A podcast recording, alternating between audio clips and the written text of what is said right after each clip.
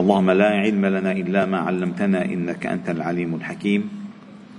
علمنا اللهم ما ينفعنا وانفعنا بما علمتنا وزدنا علما. واجعلنا ممن يستمعون القول فيتبعون أحسنه. وأدخلنا برحمتك في عبادك الصالحين. ربنا اشرح لنا صدورنا ويسر لنا أمورنا. واحلل عقد ألسنتنا ليفقه الناس قولنا. ربنا آتنا في الدنيا حسنة وفي الآخرة حسنة وقنا عذاب النار. ربنا لا تزغ قلوبنا بعد إذ هديتنا وهب لنا من لدنك رحمة إنك أنت الوهاب. وبعد أيها الأحباب الكرام فلا نزال معكم في قراءة هذا السفر المهم الموسوم بالشفاء بتعريف حقوق المصطفى صلى الله عليه وسلم.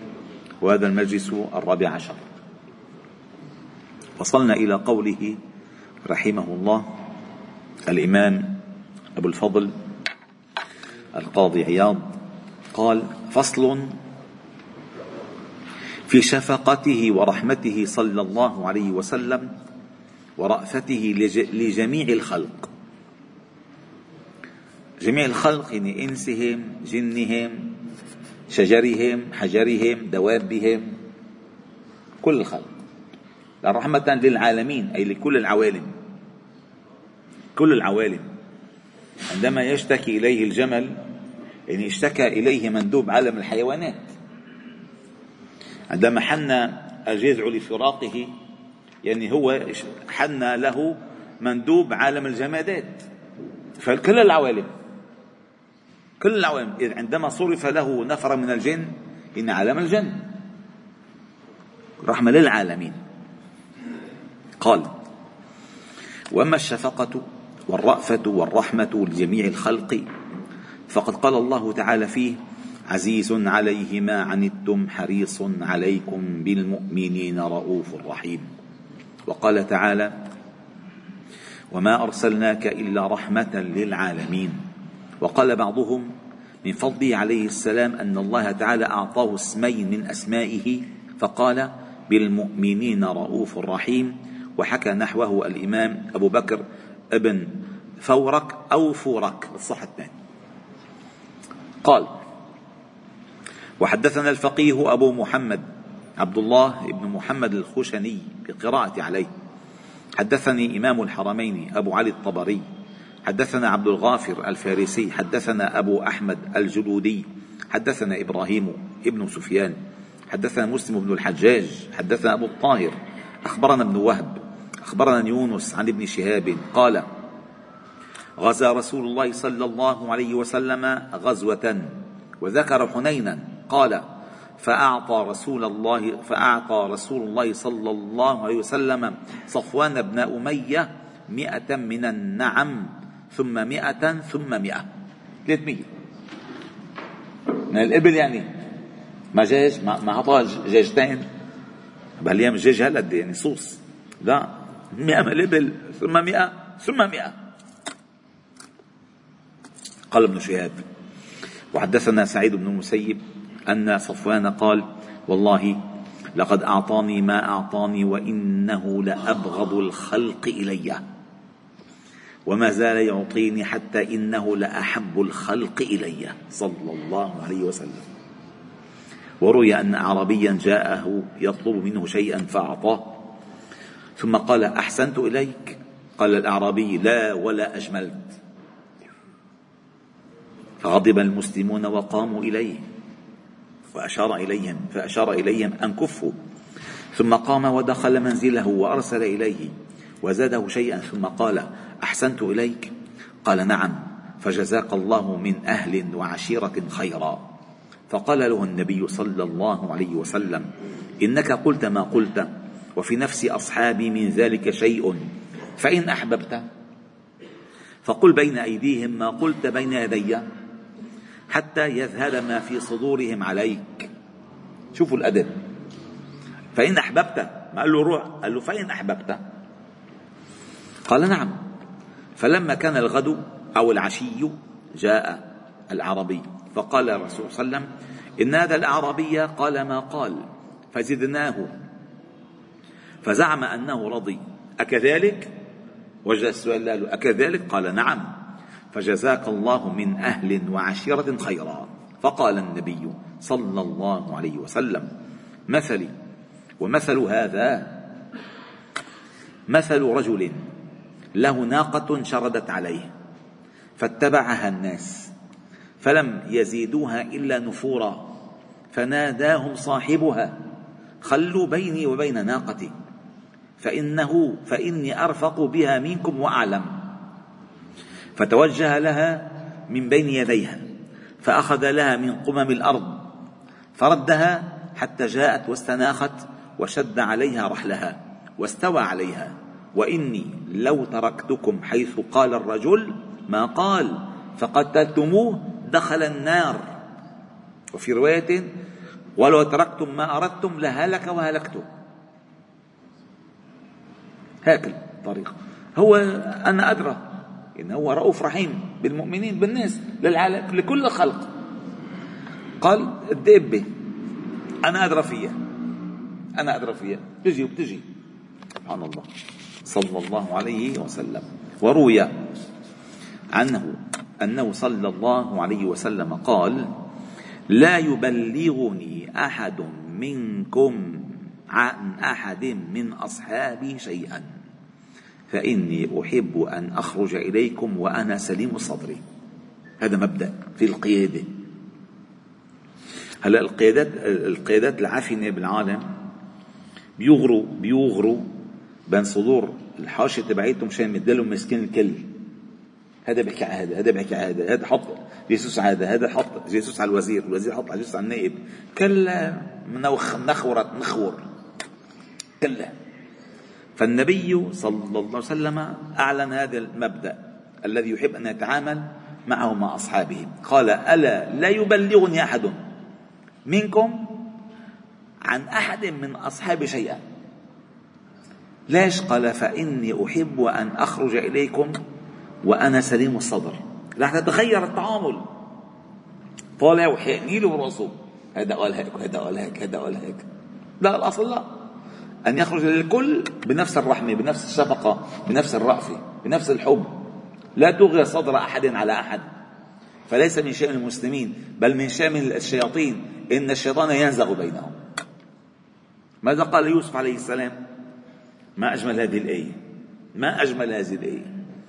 بعد أربعين سنة وتنقل ما بين الجب. بعدين شروه بثمن بخس بيعوه.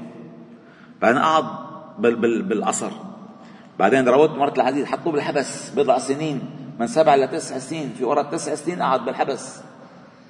بعدين بعد أربعين سنة من هالتقلبات ورفع أبويه على العرش. وخروا له سجدا وقال يا أبتي هذا تأويل رؤياي من قبل قد جعلها ربي حقا. وقد أحسن بي إذ أخرجني من السجن. ما ذكر؟ ما قال وقد ابتلاني الله بدخول السجن. ذكر الخروج ولم يذكر الدخول؟ ولم يأتي على ذكر الجب أبدا. وقد أحسن بي إذ أخرجني من السجن وجاء بكم من البدو لأنكم من بيت بعيدة من بعد أن نزغ الشيطان بيني وبين إخوتي. ما قال من بعد أن أساءوا إلي إخوتي؟ حتى الشيطان بيني وبين إخوتي الشيطان فسد بين, بين بعض. هذا هذا الأدب. من بعد أن نزغ الشيطان فاللي بيشتغل شغل الشيطان حيدل مع الشيطان. الأصل قل لعبادي يقولوا التي أحسن إن الشيطان ينزغ بينهم. يعني مثلا عم يقول له واحد أبو إبراهيم قرب شوي هيك. بيجي مثلا مثلا. هو هو هو الشيخ ما بيحب يقعد تعال جنبه انت لك وين صار؟ هو بس عم يقول له يمكن مشان قرب مشان المسند اجى واحد بيحب الخير شو قال له أبو إبراهيم؟ هو ما بيحب أنت تقعد جنبه. هذا هذا هذا بريد الشيطان. هذا الشيطان استاجروا ديليفري قال له وصل لي للزلمه مشان يوغر صدري وصدره. إن الشيطان ينزغ. قل يقول التي هي أحسن. مثلا آه، الدكتور أحمد من يطيقك؟ قل له بس أنا طيقك. أنا بحبك. هيك أحسن. هذا الأصل. كلها تدريب ها؟ هذا نظري. التدريب بال... بالإحتكاك. قال وعن ومن شفقته على أمته صلى الله عليه وسلم تخفيفه وتسهيله عليهم وكراهته أشياء مخافة أن تفرض عليهم كقوله صلى الله عليه وسلم لولا أن أشق على أمتي لأمرتهم بالسواك مع كل وضوء وفي مع كل صلاة. أشق عليهم يعني بخاف ما يكون في شق. وقال وخبره صلاة الليل. لأنه صلى الله عليه وسلم ما خففت صلاة الليل وهون المقصود فيها التراويح لخشيت أن تفرض عليكم ولا تطيقون. ونهيهم عن الوصال وصال الصوم. قالوا يا رسول الله إنك نهيتنا عن الوصال ورأيناك تواصل. فقال إني لست كهيئتكم إنما أبيت عند ربي يطعمني ويسقين يعني عليهم لأن ليست لا يتحملون ما يتحمله هو صلى الله عليه وسلم فقال أنا أبيت عند ربي يطعمني ويسقين وكراهته وكراهته دخول الكعبة لئلا يعنت أمته. هذه شغلة كثير مهمة. هو ورد حديث عائشة هذا المسألة. آه هو دخل على الكعبة هو وبعض أصحابه وصلى فيها. ولكن كرهه أن يفعل بعده ذلك. ليش؟ شفقة على الأمة لأن صور لك إذا بالطواف العالم هيك. لكن على الباب الكعبة ده حيصيروا. حيموتوا. حيموتوا. فلذلك قال له لا. شفقة عليهم. ورغبته لربه أن يجعل سبه ولعنه لهم رحمة بهم. يعني إذا حدا أذاه وسبوا النبي صلى الله عليه وسلم أو لعنوا أو كذا رحمة لهم. أن الله بيغفر له. وأنه كان يسمع بكاء الصبي فيتجوز في صلاته.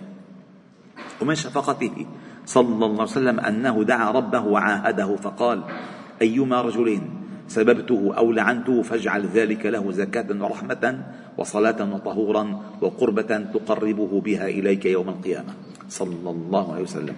ولما كذبه قومه أتاه جبريل عليه السلام فقال له إن الله تعالى قد سمع قول قومك لك وما ردوا عليك وقد أمر ملك الجبال لتأمره بما شئت فيهم فناداه ملك الجبال وسلم عليه وقال مرني بما شئت وإن, وإن شئت أن أطبق عليهم الأخشبين فقال النبي صلى الله عليه وسلم بل أرجو أن يخرج أن يخرج الله من أصلابهم من يعبد الله وحده ولا يشرك بشيئا أنت بس تخيل المشهد.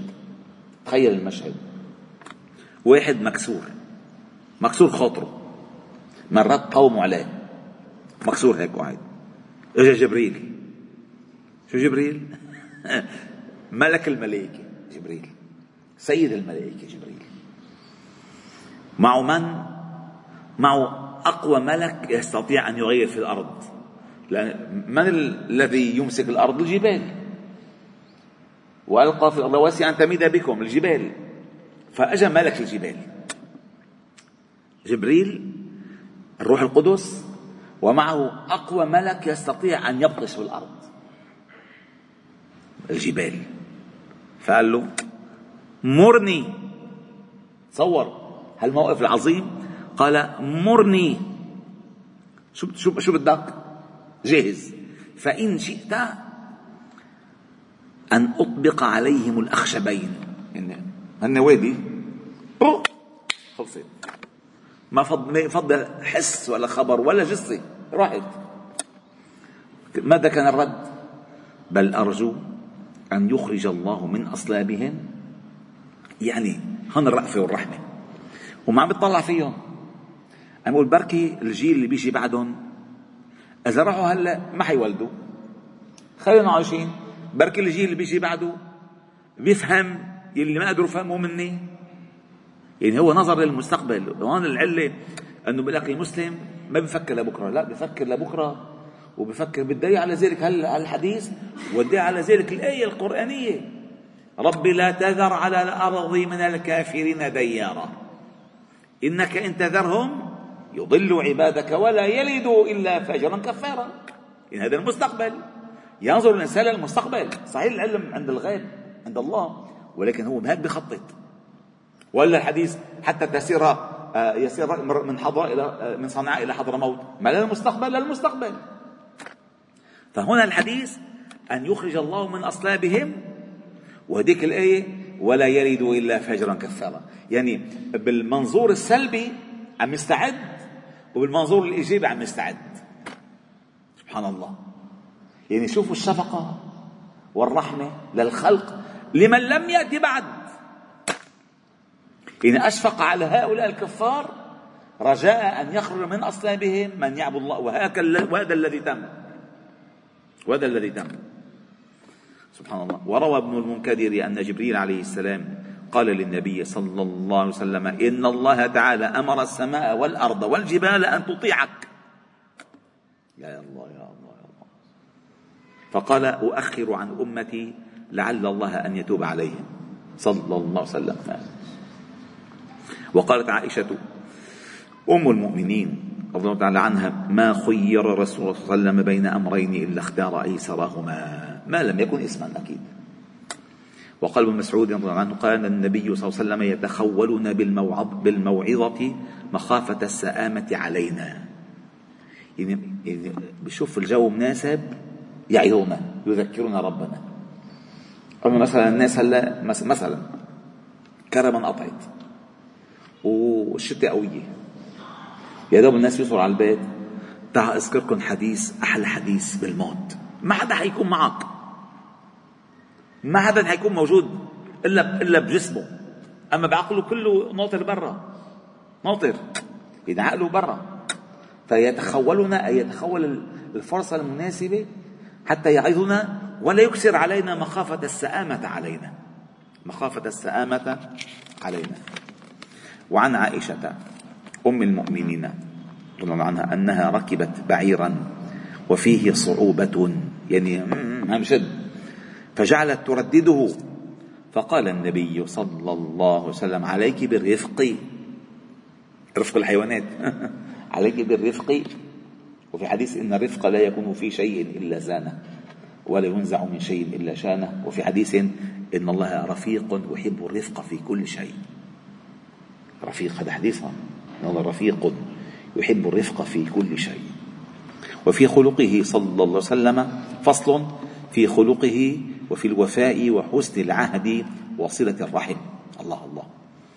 وأما خلقه صلى الله عليه وسلم في الوفاء وحسن العهد وصلة الرحم. فحدثنا القاضي أبو عامر محمد بن إسماعيل بالقراءة عليه. قال حدثنا أبو بكر محمد بن محمد. حدثنا أبو إسحاق الحبال. حدثنا أبو محمد بن النحاس. حدثنا ابن الأعرابي. قال حدثنا أبو داود. قال حدثنا محمد بن يحيى. قال حدثنا محمد بن سنان. قال حدثنا إبراهيم بن طهمان عن بديل عن عبد, عن عبد الكريم بن عبد الله بن شقيق عن أبيه عن عبد الله بن أبي الحمساء قال بايعت النبي صلى الله عليه وسلم ببيع قبل أن يبعث وبقيت له بقية فوعدته أن آتيه بها في مكانه فنسيت ثم ذكرت بعد ثلاث فجئت فإذا هو مكانه. قاعد ناطر ما تركوا لأنت وعداه بالوقت فقال يا فتى لقد شققت علي أنا ها هنا منذ ثلاث أنتظرك. مين بيعمل هيدي صلى الله عليه وسلم. وعن أنس قال كان النبي من وفائه كان النبي صلى الله عليه وسلم إذا أوتي بهدية قال اذهبوا بها إلى بيت فلانة فإنها كانت صديقة لخديجة وإنها كانت تحب خديجة فيصل من كانت خديجة تصلها. وفي حديث مشهور. حديث صحيح هو. قال النبي صلى الله عليه وسلم إن من أبر البر صلة الرجل أهل ود أبيه. إن من أبر البر صلة الرجل أهل ود أبيه. يعني مثلا مات أبوك؟ الله يرحمه. شوف واحد شفت واحد أبوك كان بيحبه. طعطع والله سكرتك بهالشغله ليش؟ تصل أهل ود أبوك. هذا من البر بأبيك. هذا من الوفاء لخديجة كان يصل صواحبتها يعني صديقاتها بالخير وبالبر. قال اذهبوا بها إلى بيت فلانة فإنها كانت صديقة لخديجة. إنها كانت تحب خديجة. يعني نحن نحب من يحب خديجة. وعن عائشة أم المؤمنين قالت آه، ما غيرت على امرأة ما غيرت على خديجة مع أنها لم ترها. عم تغار على وحدة ما شافتها قال ليش؟ قال لما كنت أسمعه يذكرها أي من كثرة ذكره لها صلى الله عليه وسلم. وإن كان ليذبح الشاة فيهديها إلى خلائلها أي صديقاتها. خلائلها أي صديقاتها. خديجة خديجة خديجة. وهيدي ميتة. الله مرضى عنها. نعم ما تكون عايشة شو بصير مصيبة ودخلت عليه امرأة. فهش لها وأحسن السؤال عنها. فلما خرجت قال إنها كانت تأتينا أيام خديجة. وإن حسن العهد من الإيمان. وإن حسن العهد من الإيمان. ووصفه بعضهم. فقال كان يصل ذوي رحمه من غير أن يؤثرهم على من هو أفضل منهم. وقال صلى الله عليه وسلم إن آل أبي فلان ليسوا لي بأولياء غير أن لهم رحما سأبلها ببلالها أو ببلالها. وقال وقد صلى عليه السلام بأمامة بن بنته زينب يحملها على عاتقه فإذا سجد وضعها وإذا قام حملها. يعني كان حملها وهو يصلي. وعن أبي قتادة قال وفد وفد للنجاشي فقال النبي صلى الله عليه وسلم يخدمهم. لوفد النجاشي. فقال له أصحابه نكفيك نكفيك. فقال إنهم كانوا لأصحابنا مكرمين وإني أحب أن أكافئهم. قال لما راحوا لعنده وفد مكة مهاجرين أكرموهم؟ فأنا بدي أكافئهم بالإكرام أنا بخدمهم. قالوا فقال إنهم كانوا لأصحابنا مكرمين وإني أحب أن أكافئهم. صلى الله عليه وسلم. الله. ولما جيء بأخته من الرضاعة الشيماء في سبايا هوازن وتعرفت له بسط لها رداءه وقال لها إن أحببت أقمت عندي مكرمة محبة أو متعتك ورجعت إلى قومك. فاختارت قومها فمتعها. وقال أبو الطفيل رأيت النبي صلى الله عليه وسلم وأنا غلام إذا أقبلت امرأة أو إذ أقبلت امرأة حتى دنت منه فبسط لها رداءه فجلست عليه فقلت من هذه؟ قالوا أمه التي أرضعته. صلى الله عليه وسلم. أكرمها. وعن عمر بن السائب أن الرسول صلى الله عليه وسلم كان جالسا يوما فأقبل أبوه من الرضاعة.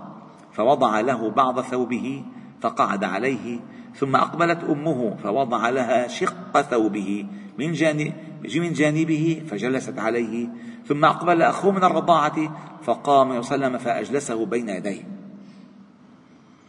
وكان يبعثه إلى ثويبة ثويبة مولاة أبي لهب مرضعته مرضعة مرضعته بصلة وكسوة فلما ماتت سأل من بقي من قرابتها عشان يوصلوا فقيل لا أحد.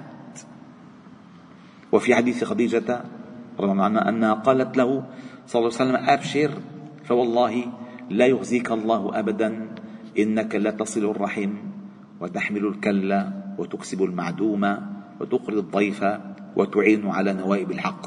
وهذا الحديث أصله عندما عاد من غار حراء. يرجف فؤاده مما فاجأه الوحي جبريل بالغار.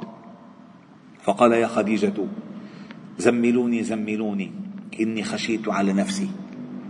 خشيت على نفسي. فقالت له كلا والله لا يخزيك الله أبدا. كيف بده يخزيك الله؟ ما أنت هيك وهيك وهيك وهيك وهيك وهيك مع الناس. لا يخزيك الله. قالت والله لا يخزيك الله أبدا. إنك لا تصل الرحم. وتحمل الكل أي الضعيف. وتكسر المعدوم المنتوف. وتقري الضيف أي تكرم الضيف. وتعينه على نوائب الحق إذا في أزمة تكون أول الناس. فصل في تواضعه صلى الله عليه وسلم. وأما تواضعه صلى الله عليه وسلم على علو منصبه ورفعة رتبته فكان أشد الناس تواضعا وأقلهم كبرا. وحسبك. أنه خير بين أن يكون نبيا ملكا أو نبيا عبدا فاختار أن يكون نبيا عبدا. فقال له إسرافيل عند ذلك فإن الله قد أعطاك بما تواضعت له أنك سيد ولد آدم يوم القيامة وأول من تنشق عنه الأرض وأول شافع. صلى الله عليه وسلم. وحدثنا أبو الوليد ابن العواد الفقيه رضي الله عنه بقراءة عليه في منزله بقرطبة, بقرطبة سنة سبع وخمس وخمسمائة خمسمائة وسبعة. قال حدثنا أبو علي الحافظ حدثنا أبو عمر حدثنا ابن عبد المؤمن حدثنا ابن داسة حدثنا أبو داود حدثنا أبو بكر بن أبي شيبة حدثنا عبد الله بن نمير عن, عن مسعر عن أبي العنبس عن أبي العد العدبس.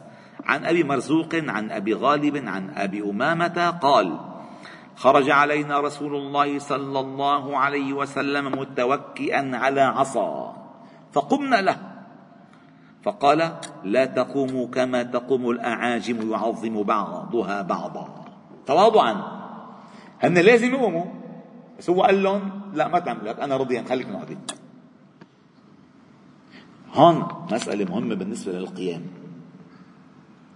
الحديث من أحب أن يتمثل الناس له قياما فلنتبوأ مقعده من النار. فهو هو بيحب. فات ولا حدا وقف. ما فيكم خير. لا بالعكس. أنت ما في خير إذا بدك يقفوا.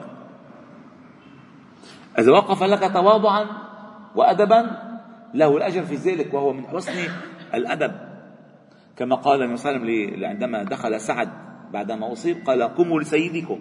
فقاموا وكان يقوم لفاطمة. فهذا هذا جائز. ولكن لا أن يكون من طلب الموقوف له قيام. قيام. نعم. قال قال لا تقوموا كما تقوم الأعاجم يعظم بعضها بعضا. وقال إنما أنا عبد آكل كما يأكل العبد وأجلس كما يجلس العبد. وكان يركب الحمار ويردف خلفه ويعود المساكين ويجالس الفقراء ويجيب دعوة العبد ويجلس بين أصحاب مختلطا بهم حيث ما انتهى به المجلس جلس. وفي حديث عمر عنه قال لا تطروني كما أطرت النصارى ابن مريم إنما أنا عبد فقولوا عبد الله ورسوله. تعرفوا آه، حب النصارى للمسيح غالوا فيه حتى جعلوه إله. لا تطروني أي لا تبالغوا في المدح بما ليس في. كلما مدحته بما, لي بما هو فيه ليس إطراء. الإطراء أن تبالغ في مدحه بشيء ليس فيه. ليس فيه.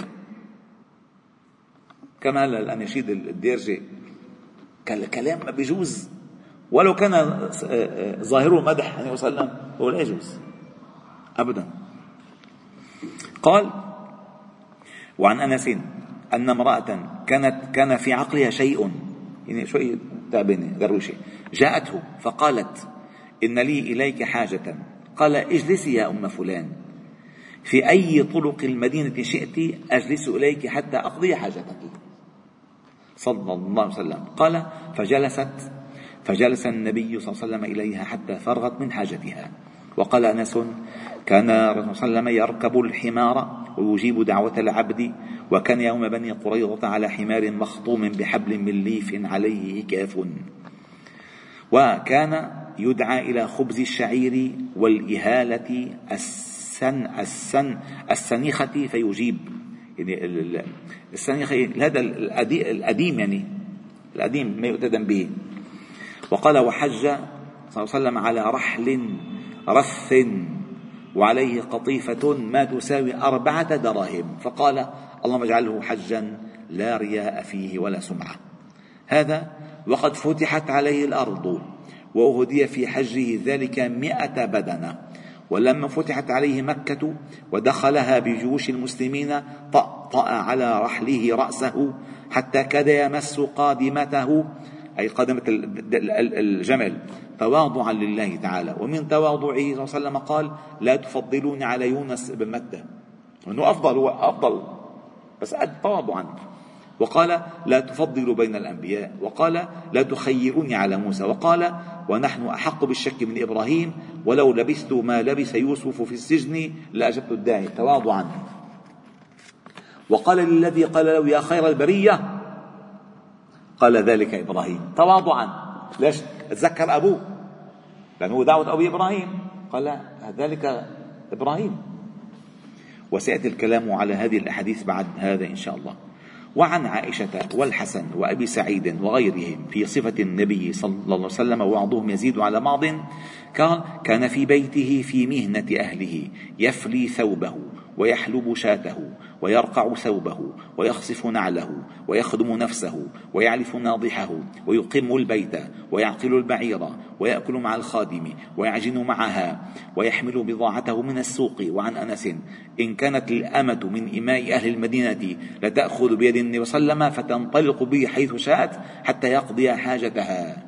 ودخل عليه رجل فأصابته من هيبته رعدة.